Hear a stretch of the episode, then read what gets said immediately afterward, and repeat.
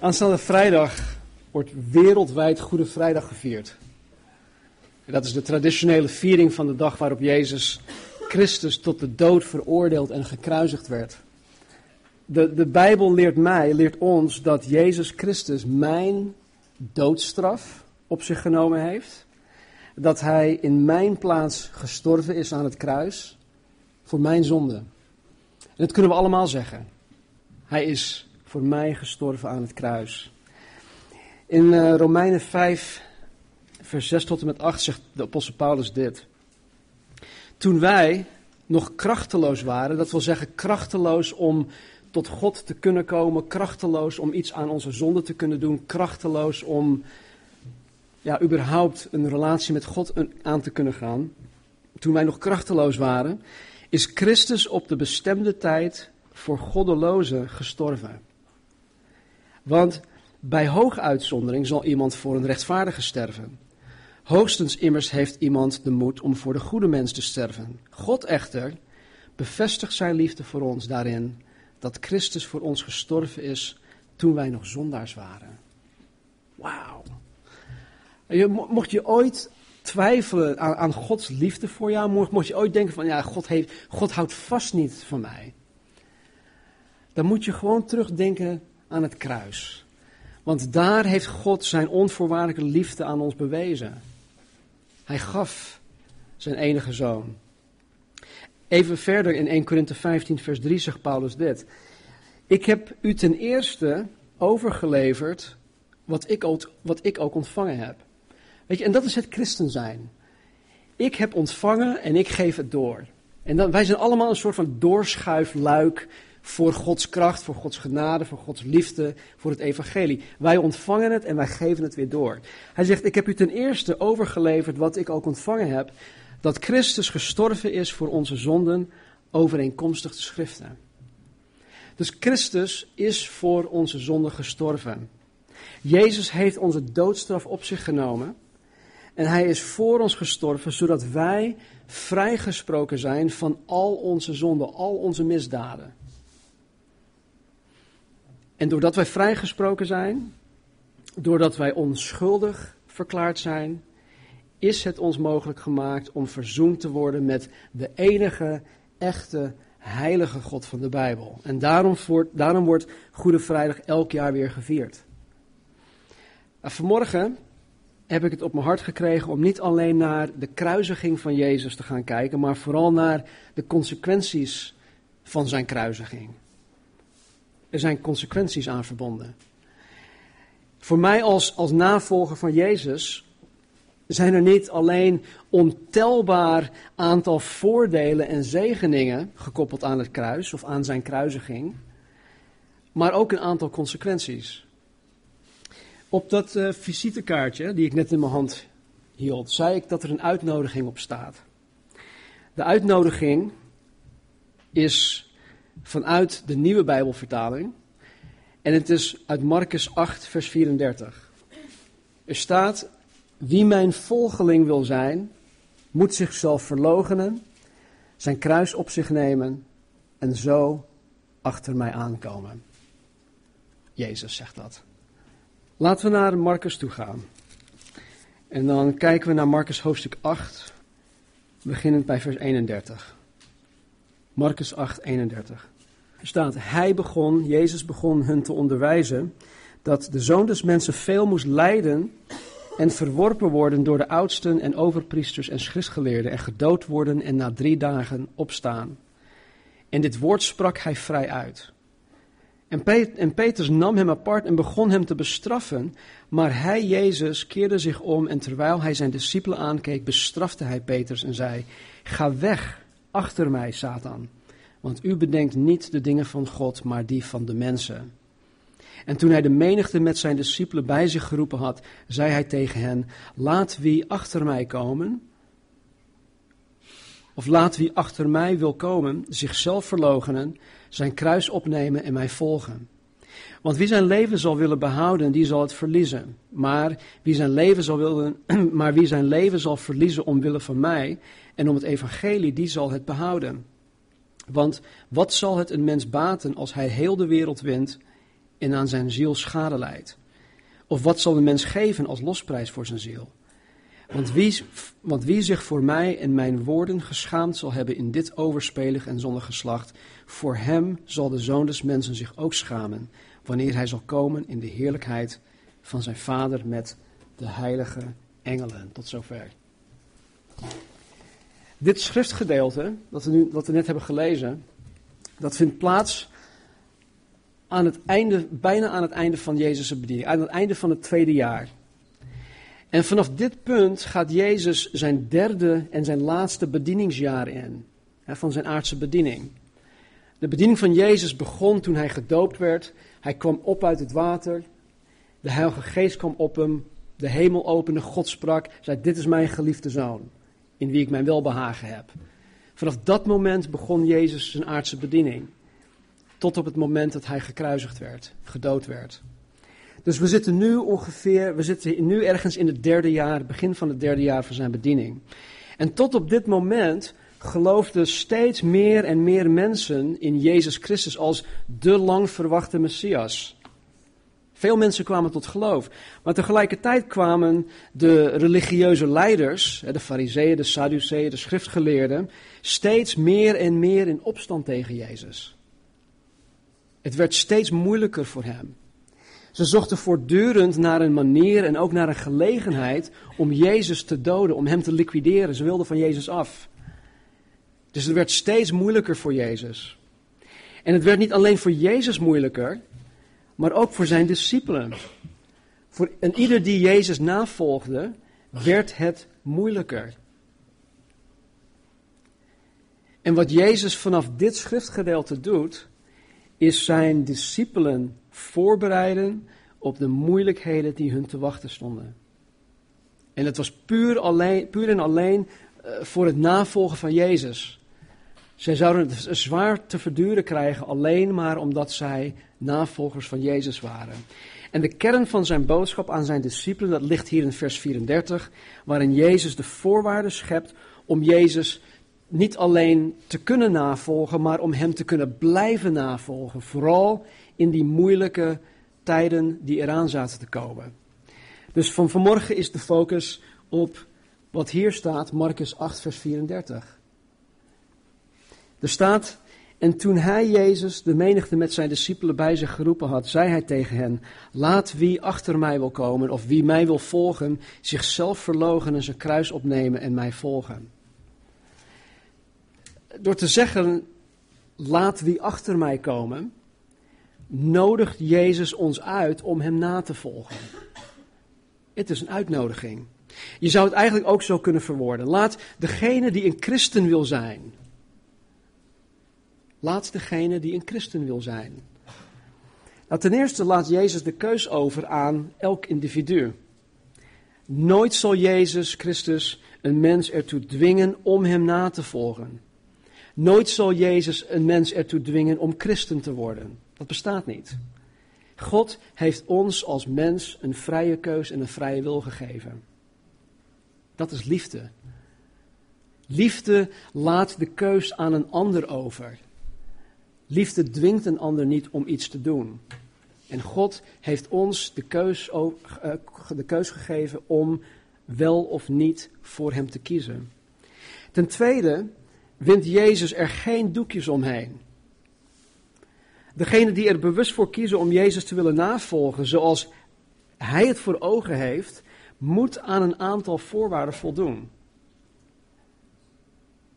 En misschien denk je, ja maar hallo, het evangelie dat is toch gratis? Wij hoeven er toch niks voor te doen?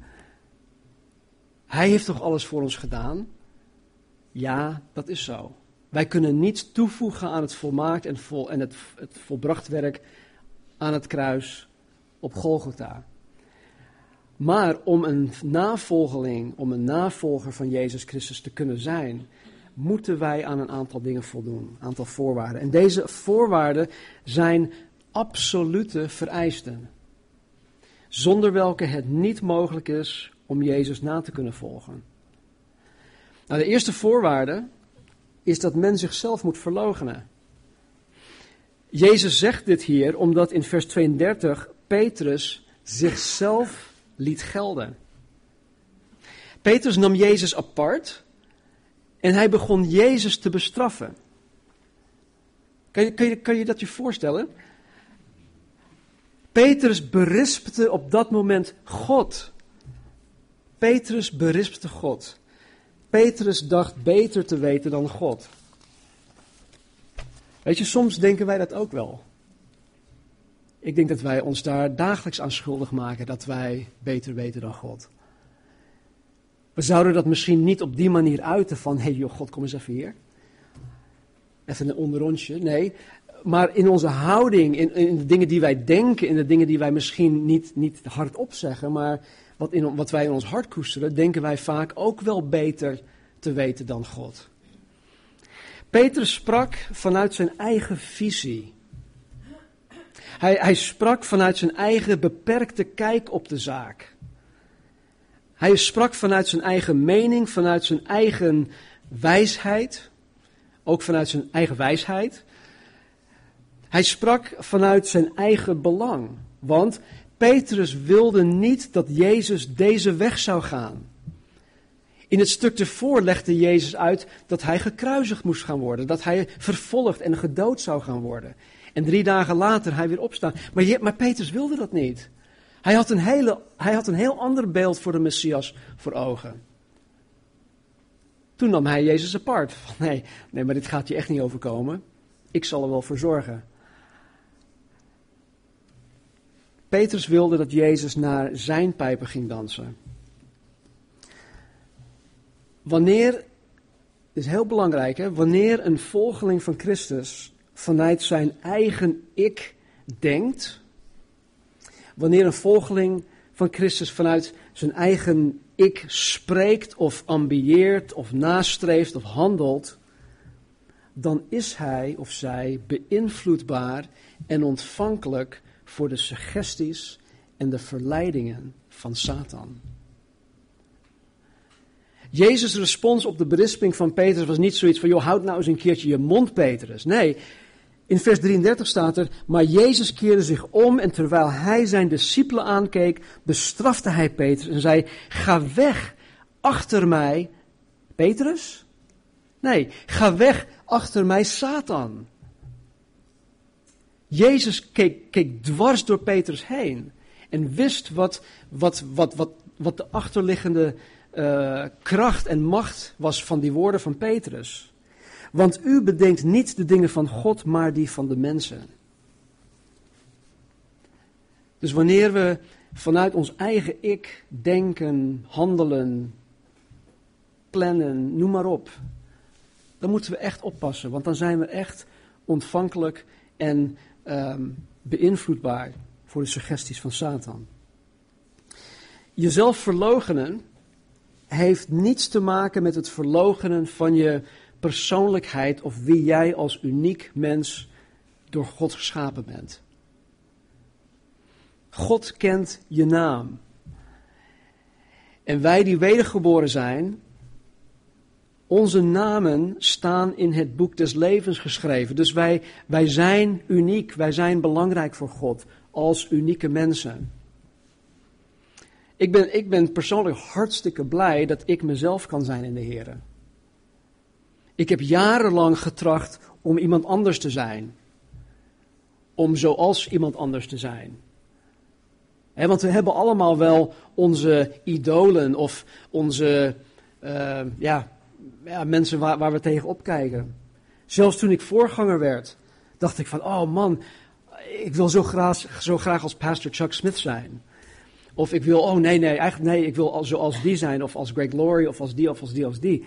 Maar weet je, nu ben ik zo blij dat ik gewoon stem kan zijn. Want er is geen ander persoon hier op aarde, 7 miljard mensen, die stem kan zijn. Alleen ik. En dat vind ik gaaf. Dus ik ben hartstikke blij dat ik mezelf kan zijn. Ik, ik ben geen robot geworden op het moment dat ik tot geloof kwam. Sterker nog, ik ben veel meer mezelf geworden sinds ik in Jezus Christus ben gekomen. Of sinds ik hem, ben, uh, sinds ik hem ging navolgen. Ik kom steeds meer en meer tot mijn recht als christen zijnde in Christus. Nou, het woord verlogenen betekent verwerpen. Betekent verwerpen. Het betekent ontkennen, niet erkennen, verstoten, niet meer willen kennen. En het is precies hetzelfde woord dat Jezus voor Petrus gebruikte toen Petrus Jezus verlogende. En wat gebeurde er? Het dienstmeisje die kwam naar Petrus toe. Hé, hey, ik ken jou. Jij bent een van die discipelen van Jezus. Ja, ik ken jou wel. Ik, ik hoor het aan je stem, ik hoor het aan, aan je accent. Jij komt uit Amsterdam. Nee, ik, ik ken jou. En, en wat, wat gebeurde er? Ja, goed, je hebt het door. Nee, hij, hij verloochende Jezus. Nee, ik ken hem helemaal niet. En hij werd boos. Hij verwierp Jezus. Hij ontkende dat hij hem kende. Hij, hij verstootte Jezus. Hij gaf aan hem niet meer wilde, willen te kennen. Dus Jezus of Petrus verlogende Jezus. En wat Jezus hier bedoelt, is het verlogenen van het natuurlijke, zondige, opstandige en niet verloste eigen ik. Dat moet verlogend worden. De ik in het vlees, dat moet verlogend worden. Niet de ik die vervuld is en geleid wordt door de Heilige Geest. Maar de ik in het vlees. De ik die wij in Petrus zagen, die zichzelf liet gelden. De ik die voornamelijk uitgaat van zijn eigen mening, zijn eigen visie, zijn eigen wijsheid en eigen belang. De ik die beïnvloedbaar en ontvankelijk is voor de suggesties en de verleidingen van Satan. Het is deze ik die verlogen dient te worden, zegt Jezus. En de tweede voorwaarde waaraan men moet voldoen is uh, om, om Jezus te kunnen navolgen zoals hij het voor ogen heeft, is om zijn kruis op te nemen. Weet je, ik, ik hoor mensen vaak zeggen, zowel gelovige als ongelovige mensen, uh, ieder huisje heeft zijn kruisje. Is dat, is dat bekend? Ja? Oké. Ieder huisje heeft zijn kruisje. Sommige mensen zeggen zelfs, ja weet je, de kruis die ik moet dragen is mijn ongelovige man of mijn ongelovige vrouw. Dat is de kruis die ik moet dragen. Of, de, of een andere zegt wel, ja, de kruis die ik moet dragen, oh, dat, dat zijn mijn ongelovige kinderen. Of mijn schoonfamilie. Dat is de kruis die ik moet dragen. Of uh, mijn handicap of mijn ziekte. En zo zijn er heel veel dingen waarvan mensen denken van, joh, dit is de, het kruis die ik moet dragen. Maar dat bedoelt Jezus niet. Dat bedoelt Jezus niet. In de tijd toen Jezus op aarde was, was het kruis um, een, een, een keiharde realiteit. De doodstraf door middel van kruisiging was een, een, een harde realiteit. De Romeinen die Israël toen bezetten had, hadden niet lang voordat Jezus en zijn discipelen in uh, Caesarea Philippi waren, waar dit, waar dit nu afspeelt, wat we net gelezen hebben. Um, kort daarvoor waren zo'n honderd mannen gekruisigd op die, op die plek. Zo'n 100 jaar daarvoor had Alexander Janneus, de koning van Judea, zo'n 800 Joodse opstandelingen in Jeruzalem gekruisigd. En er wordt, er, wordt geschat door onder andere de uh, Joodse geschiedschrijver Flavius Josephus dat er tijdens het leven van Jezus in, in, in die hele omgeving, dat heel gebied, zo'n 30.000 mensen gekruisigd waren door de Romeinen. En wat men moest doen wanneer men gekruisigd werd, was, en dat lezen we ook over Jezus, was het opnemen van de dwarsbalk. we hebben een verticale balk en een, en een dwarsbalk. En degene die gekruisigd moest worden, die moest zelf die dwarsbalk op zijn schouders dragen. En hij moest het dragen naar de plek waar hij uiteindelijk gekruisigd zou gaan worden. Kruisiging en het opnemen van je kruis was voor Jezus en voor zijn discipelen dus een heel bekend iets. Het was, het was gewoon, ze wisten precies waar het over ging. Zijn toehoorders wisten precies waar Jezus het over heeft. En de term die hij hier dus gebruikt, je kruis opnemen, betekende dus niets anders dan dat je een enkele reis nam naar de plek waar je uiteindelijk tot je dood zou komen door middel van kruisiging. Dat was het kruis opnemen. Kortom, je kruis opnemen betekent sterven aan jezelf. Sterven aan jezelf. En nogmaals, het heeft niets te maken met het laten afsterven van wie, wie je als uniek persoon bent. Hè, die God jou gemaakt heeft. Het heeft daar niks mee te maken. Maar het heeft alles te maken met het doden van de oude mens. En volgens Lucas 9:23 moet ik dit dagelijks doen. Lucas 9:23 zegt dit. Hij zei tegen allen, Jezus zei tegen allen, als iemand achter mij wil komen, moet hij zichzelf verloochenen, zijn kruis dagelijks opnemen en mij volgen. In Matthäus 10 vers 38 zegt Jezus, en wie zijn kruis niet op zich neemt en mij navolgt, is mij niet waard. Ouch. Wie zijn kruis niet op zich neemt en mij navolgt, is mij niet waard. Lucas 14, 27. En wie zijn kruis niet draagt en achter mij aankomt, kan geen discipel van mij zijn. Jezus legt de, de lat super, super hoog. Het is voor geen enkel mens haalbaar. Wie zijn kruis niet draagt en achter mij aankomt, kan geen discipel van mij zijn. Nogmaals, Jezus wint er geen doekjes omheen. Hij zegt hiermee, jongens, er is geen andere weg mogelijk. Dit is de enige weg. Op een gegeven moment zien wij in, in Johannes hoofdstuk 6. Er waren tientallen duizenden mensen die Jezus navolgden.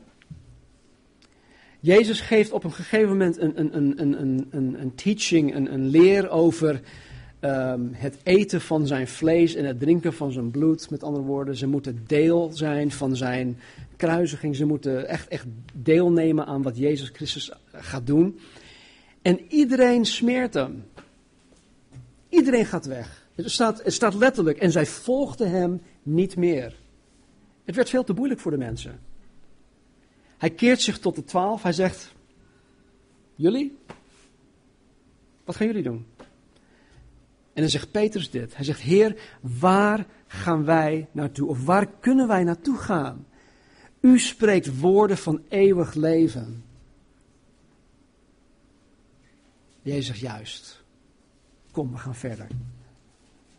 Dus dit is lastig, het is lastig. En, en dit wordt ook niet, ja, dit is geen populaire boodschap. Ik, ik, uh, ik had dit gedeeld met, met, uh, met het leiderschapsteam, dat ik toen ik deze kaartjes ging maken, ja, ik, ik heb Marcus 834. En een van de opmerkingen was, ja, maar dat, dat is niet echt uitnodigend. Ik weet het niet hoor, maar Jezus geeft deze uitnodiging wel. Dit is de uitnodiging van Jezus. En je weet meteen waar je aan toe bent. Hij wint er geen doekjes omheen. Nou, misschien denk je nu dat dit eigenlijk ja, niet zo'n aantrekkelijk aanbod of uitnodiging is. En misschien wil je dit helemaal niet.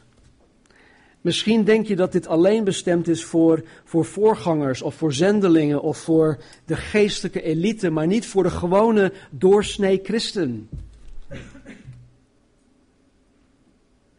Of misschien denk je, weet je, het zit wel goed met mij. Ik geloof toch in Jezus? Ik kom toch elke zondag naar de kerk. Ik, ik ben betrokken. Ik, ik hoef niet per se zo radicaal te zijn om mezelf te verloochenen of aan mezelf te sterven. Ik, ik vind het prima zo. Waarom doe je zo moeilijk? Nou, Jezus gaf deze uitnodiging niet alleen aan de twaalf discipelen. Hij riep de menigte bij zich. En deze uitnodiging ging uit naar een ieder die hem daar aanhoorde. Deze voorwaarden gelden dus voor iedereen die zichzelf een christen noemt. Iedereen. Niet alleen hier, maar in alle kerken overal. In Nederland, in de wereld, overal. Het geldt voor iedereen. Maar het mooie ervan, er is een mooie keerzijde. En misschien lijkt het misschien van John we gingen toch heilig avondmaal vieren, dat zou toch een blijde, blijde boodschap zijn? Het is een blijde boodschap. Er is, want er is een keerzijde. En het mooie ervan ligt niet misschien in het verlogenen van jezelf of het sterven aan jezelf, maar in de gevolgen van het verlogenen van jezelf. Het sterven aan jezelf. Ook daaraan zijn gevolgen gekoppeld. En dat is het allermooiste wat er is. Laten we tot slot kijken naar de gevolgen en de voordelen en de, de zegeningen van het leven dat gekruisigd is. En dat klinkt misschien heel raar, een leven dat gekruisigd is. Dat betekent dat dat leven dood is. Toch? Voordat we hier naartoe gaan, wil ik nog even iets, iets zeggen. Het schiet me net te binnen. Wie van jullie hebben ooit um, Band of Brothers gezien? Oké, het is niet echt een vrouwending, zo te zien. het, is een, uh, het is een oorlogsserie uit de Tweede Wereldoorlog, um, Normandië en dat soort dingen. En op, op um, was het D-Day? Ja, de dag van uh, dat, dat de, de, de 101st Airborne, de Amerikanen en Engelsen allemaal in de Normandië aankwamen. Er was één, uh, er was één aflevering waarin uh, een zekere een soldaat die, uh, die ging zijn verhaal vertellen aan een, aan een kaptein.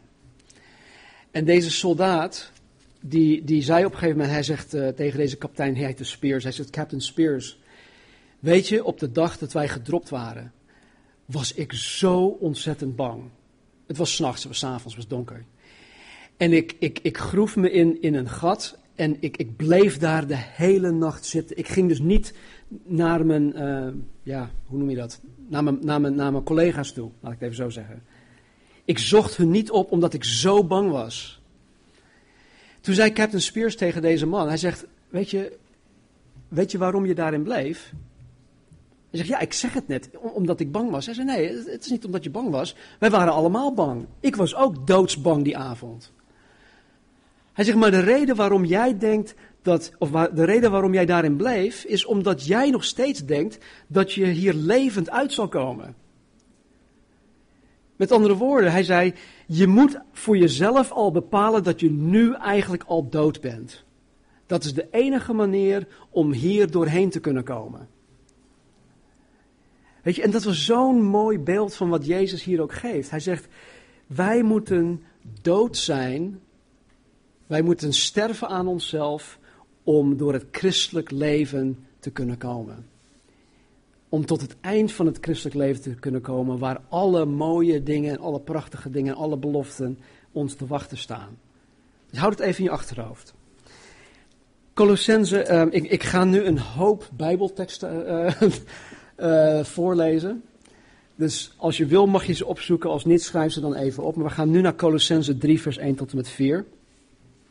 En ik ga er snel doorheen, want um, ik heb best wel veel.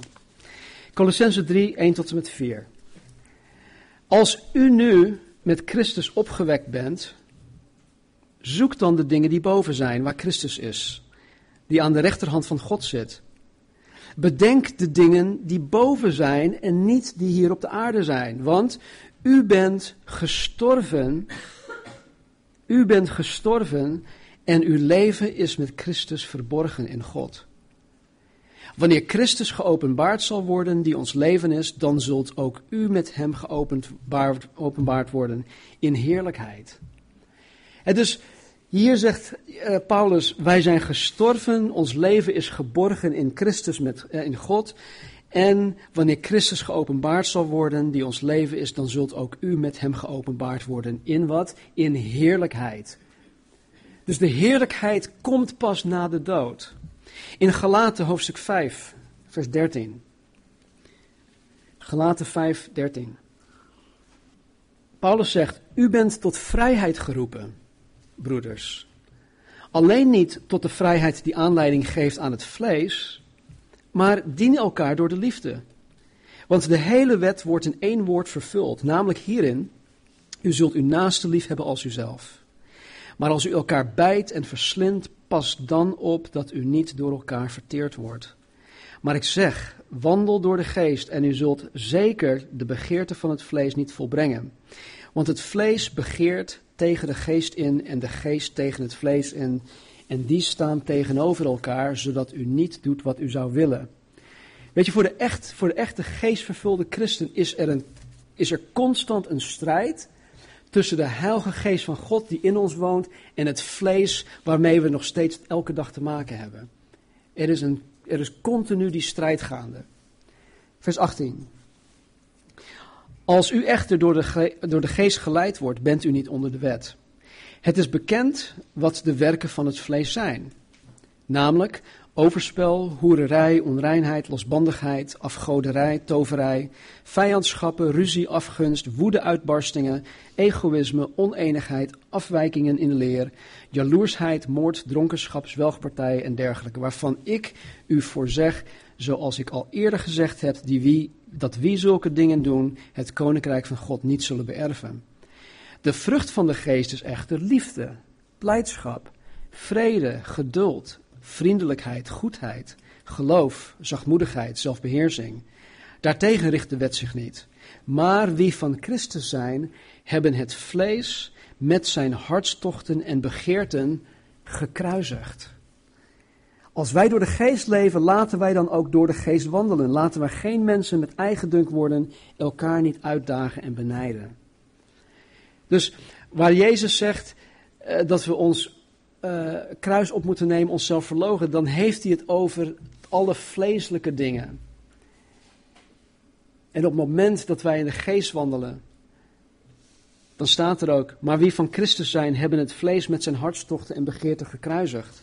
2 Timotheus 2. 2 Timotheus 2, 11 en 12. Dit is een betrouwbaar woord. Want als wij met Hem, dus met Jezus, gestorven zijn, zullen wij ook met Hem leven. Als wij volharden, zullen wij ook met Hem regeren. Als wij Hem verlogenen, zal Hij ons ook verlogenen. Romeinen hoofdstuk 6, vers 1. Wat zullen wij dan zeggen? Zullen wij in de zonde blijven, opdat de genade toeneemt? Eh, volstrekt niet. Hoe zullen wij, die aan de zonde gestorven zijn, nog daarin leven? Of weet u niet dat wij allen die in Christus Jezus gedoopt zijn, in zijn dood gedoopt zijn? Wij zijn dan met hem begraven door de doop in de dood, opdat evenals Christus uit de doden is opgewekt tot de heerlijkheid van de Vader, zo ook wij in een nieuw leven zouden wandelen. Want als wij met hem één plant zijn geworden, gelijk gemaakt aan hem in zijn dood, dan zullen ook wij ook aan hem gelijk zijn in zijn opstanding. Dit weten wij toch, dat onze oude mens met hem gekruisigd is, opdat het lichaam van de zonde teniet gedaan zou worden en wij niet meer als slaaf de zonde zouden dienen. Want wie gestorven is, is rechtens vrij van de zonde. Als wij nu met Christus gestorven zijn, geloven wij dat wij ook met hem zullen leven. Wij weten toch dat Christus, nu hij is opgewekt uit de doden, niet meer sterft. De dood heerst niet meer over hem. Want wat zijn sterven betreft, is hij voor eens en altijd voor de zonde gestorven. En wat zijn leven betreft, leeft hij voor God. Zo dient ook u uzelf te rekenen als dood voor de zonde, maar levend voor God in Christus Jezus onze Heer. En dan als laatste 1 Korinthe 1 vers 18. Want het woord van het kruis, het woord van het kruis is voor hen die verloren gaan wel dwaasheid, maar voor ons die behouden worden is het de kracht van God. In sommige vertalingen staat er, is het een kracht van God. Maar er staat letterlijk, voor ons die behouden worden, is het woord van het kruis de kracht van God. De kracht van God. Mensen, als de kracht van God in jouw leven ontbreekt. Ik, ik weet het uit mijn eigen leven. Als de kracht van God in mijn leven ontbreekt, dan is de kans zeer groot dat je nog niet geleerd hebt hoe je jezelf moet verlogen. Hoe je moet sterven aan jezelf. Het is niet iets wat, wat wij zomaar meekrijgen. Het gaat recht tegen ons natuur in. Het verloochenen van jezelf, het sterven aan jezelf, dat is iets dat, dat we niet op school leren. Het is niet iets wat de maatschappij ons leert. Wij worden niet zo gevormd door ons milieu. Nee, het is iets dat veranderd moet gaan worden door de geest van God die in ons woont, die in ons werkt. Het enige dat wij hoeven te doen is het te willen. De kracht van God komt alleen tot een gekruisigd leven. De kracht van God komt alleen tot een gekruisigd leven. Wanneer je tot Jezus komt, ga je iets groots ontvangen. En niet alleen wanneer je tot Hem komt, maar je zal voortdurend van Jezus blijven ontvangen. Het is genade op genade. Het is ontvangen op ontvangen op ontvangen. Je blijft maar van God ontvangen. Maar Jezus, tijdens zijn aardse bediening, en ook de apostelen die het Nieuw Testament hebben geschreven, leren ons voortdurend dat voordat men zijn kroon ontvangt, hij eerst zijn kruis moet dragen. Voordat men de glorie en de heerlijkheid ontvangt, hij eerst vervolging en lijden moet ondergaan. Nou, dat geldt voor een ieder. Voor ieder is dat weer iets anders. Het, het, is afhankelijk van wie je bent. Het is afhankelijk van waar je woont. Het is afhankelijk van hoe radicaal je voor je geloof uitkomt. Dus het lijden, vervolging, dat is allemaal subjectief. Maar voordat men zijn eeuwige beloning zal ontvangen, moet hij eerst zijn eigen leven opofferen. Omwille van Jezus Christus en het evangelie. Het hart van discipelschap. We hebben het vaak over discipelschap. Hoe werkt dat? Hoe ziet het eruit? Hoe moeten we dat doen? Nou, het hart van discipelschap is eerst geven, dan pas ontvangen. Eerst verliezen, dan pas winnen. En Jezus begreep dit als geen ander. En hij begreep het niet alleen, hij handelde ernaar in volkomenheid.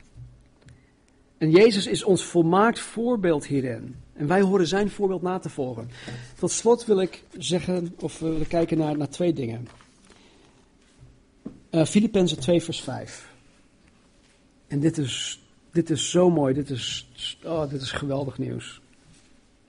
Filippenzen 2, vers 5. Paulus zegt hier: Laat daarom die gezindheid in u zijn, die ook in Christus Jezus was. En we moeten hetzelfde denken als Jezus. Die, hoewel hij in de gestalte van God was, het niet als roof beschouwd heeft aan God gelijk te zijn. Met andere woorden, hij hield zich niet vast aan zijn goddelijkheid.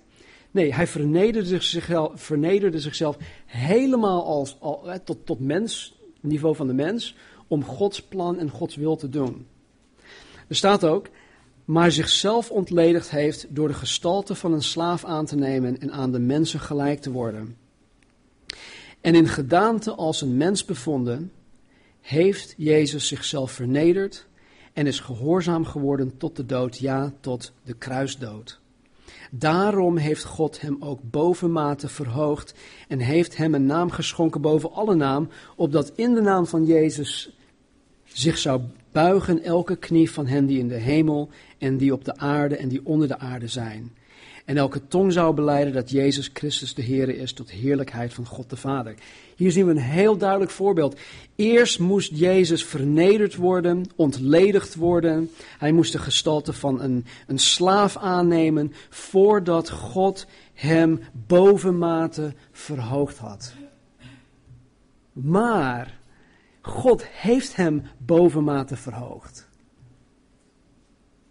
En de belofte geldt ook voor ons. De weg omhoog is de weg omlaag. Het laatste staat in Hebreeën 12, vers 1 en 2. Wel nu dan, laten ook wij, nu wij door zo'n menigte van getuigen omringd worden, door getuigen van Hebreeën hoofdstuk 11. Laten wij afleggen alle last en de zonde die ons zo makkelijk verstrikt. En laten wij met volharding de wedloop lopen die voor ons ligt. Terwijl wij het oog gericht houden op Jezus, de leidsman en voleinder van ons geloof, of van het, van het geloof. Hij, Jezus, heeft om de vreugde die hem in het vooruitzicht was gesteld, het kruis verdragen, de schande veracht en zit nu aan de rechterhand van de troon van God. Oh mensen, Jezus, ons groot voorbeeld.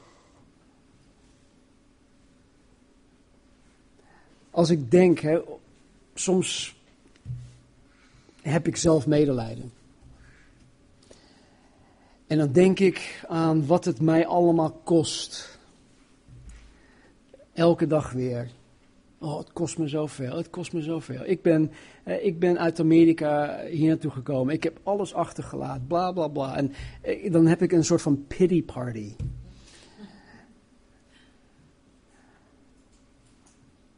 Maar weet je, als je, als je erbij stilstaat, als je nagaat wat het Jezus heeft gekost. Om voor jou, om voor mij, om voor ons te doen wat hij gedaan heeft. Ik denk niet eens dat wij allemaal bij elkaar opgeteld kunnen doen wat hij voor ons gedaan heeft. Wat het hem gekost heeft. En niet alleen wat het hem gekost heeft maar wat het hem voor eeuwig gekost heeft. We weten niet wat voor gedaante hij had voordat hij naar de, naar de aarde toe kwam. Maar de glorie en de heerlijkheid die hij afgelegd heeft om mens te worden, dat heeft hij voor eeuwig afgelegd. Ja, hij is nu verheerlijk, maar hij is wel een verheerlijk mens geworden. Het gaat zoveel verder en zoveel dieper dan wij ooit kunnen beseffen. Hoe ver Jezus Christus is gegaan om ons dit mogelijk te maken. Dus weet je, als, als ik dat dan voor ogen heb, joh, dan, dan, dan is het het verlogenen van mezelf, dan is het het kruisigen van mijn eigen leven, joh, dat, dat is peanuts vergeleken met wat Jezus voor mij gedaan heeft. Dus laten we met, met die gedachte ook vanmorgen deelnemen aan het heilige avondmaal. Dat we weer het juist, alles weer in het juiste perspectief geplaatst krijgen. Dat alles weer op scherp gezet wordt dat we wanneer we hier weggaan, wanneer we Pasen op het oog hebben aanstaande zondag, dat we er zo vol van zullen zijn dat we het niet kunnen inhouden, dat we mensen gaan vertellen, dat we mensen gaan uitnodigen. En niet alleen deze week, maar de rest van ons leven. Totdat Hij komt. Laten we bidden. Vader, dank u wel dat wij zo rijkelijk gezegend zijn, Heer. Dank u, Vader, dat u uw eigen zoon gegeven hebt. Dank u, Jezus, dat u erin toestemde om uzelf te verloochenen. Heren, tot aan de dood, ja, tot aan de kruisdood.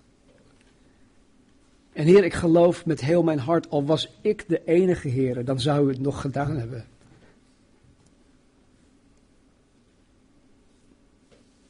Heere, help ons om dat te beseffen.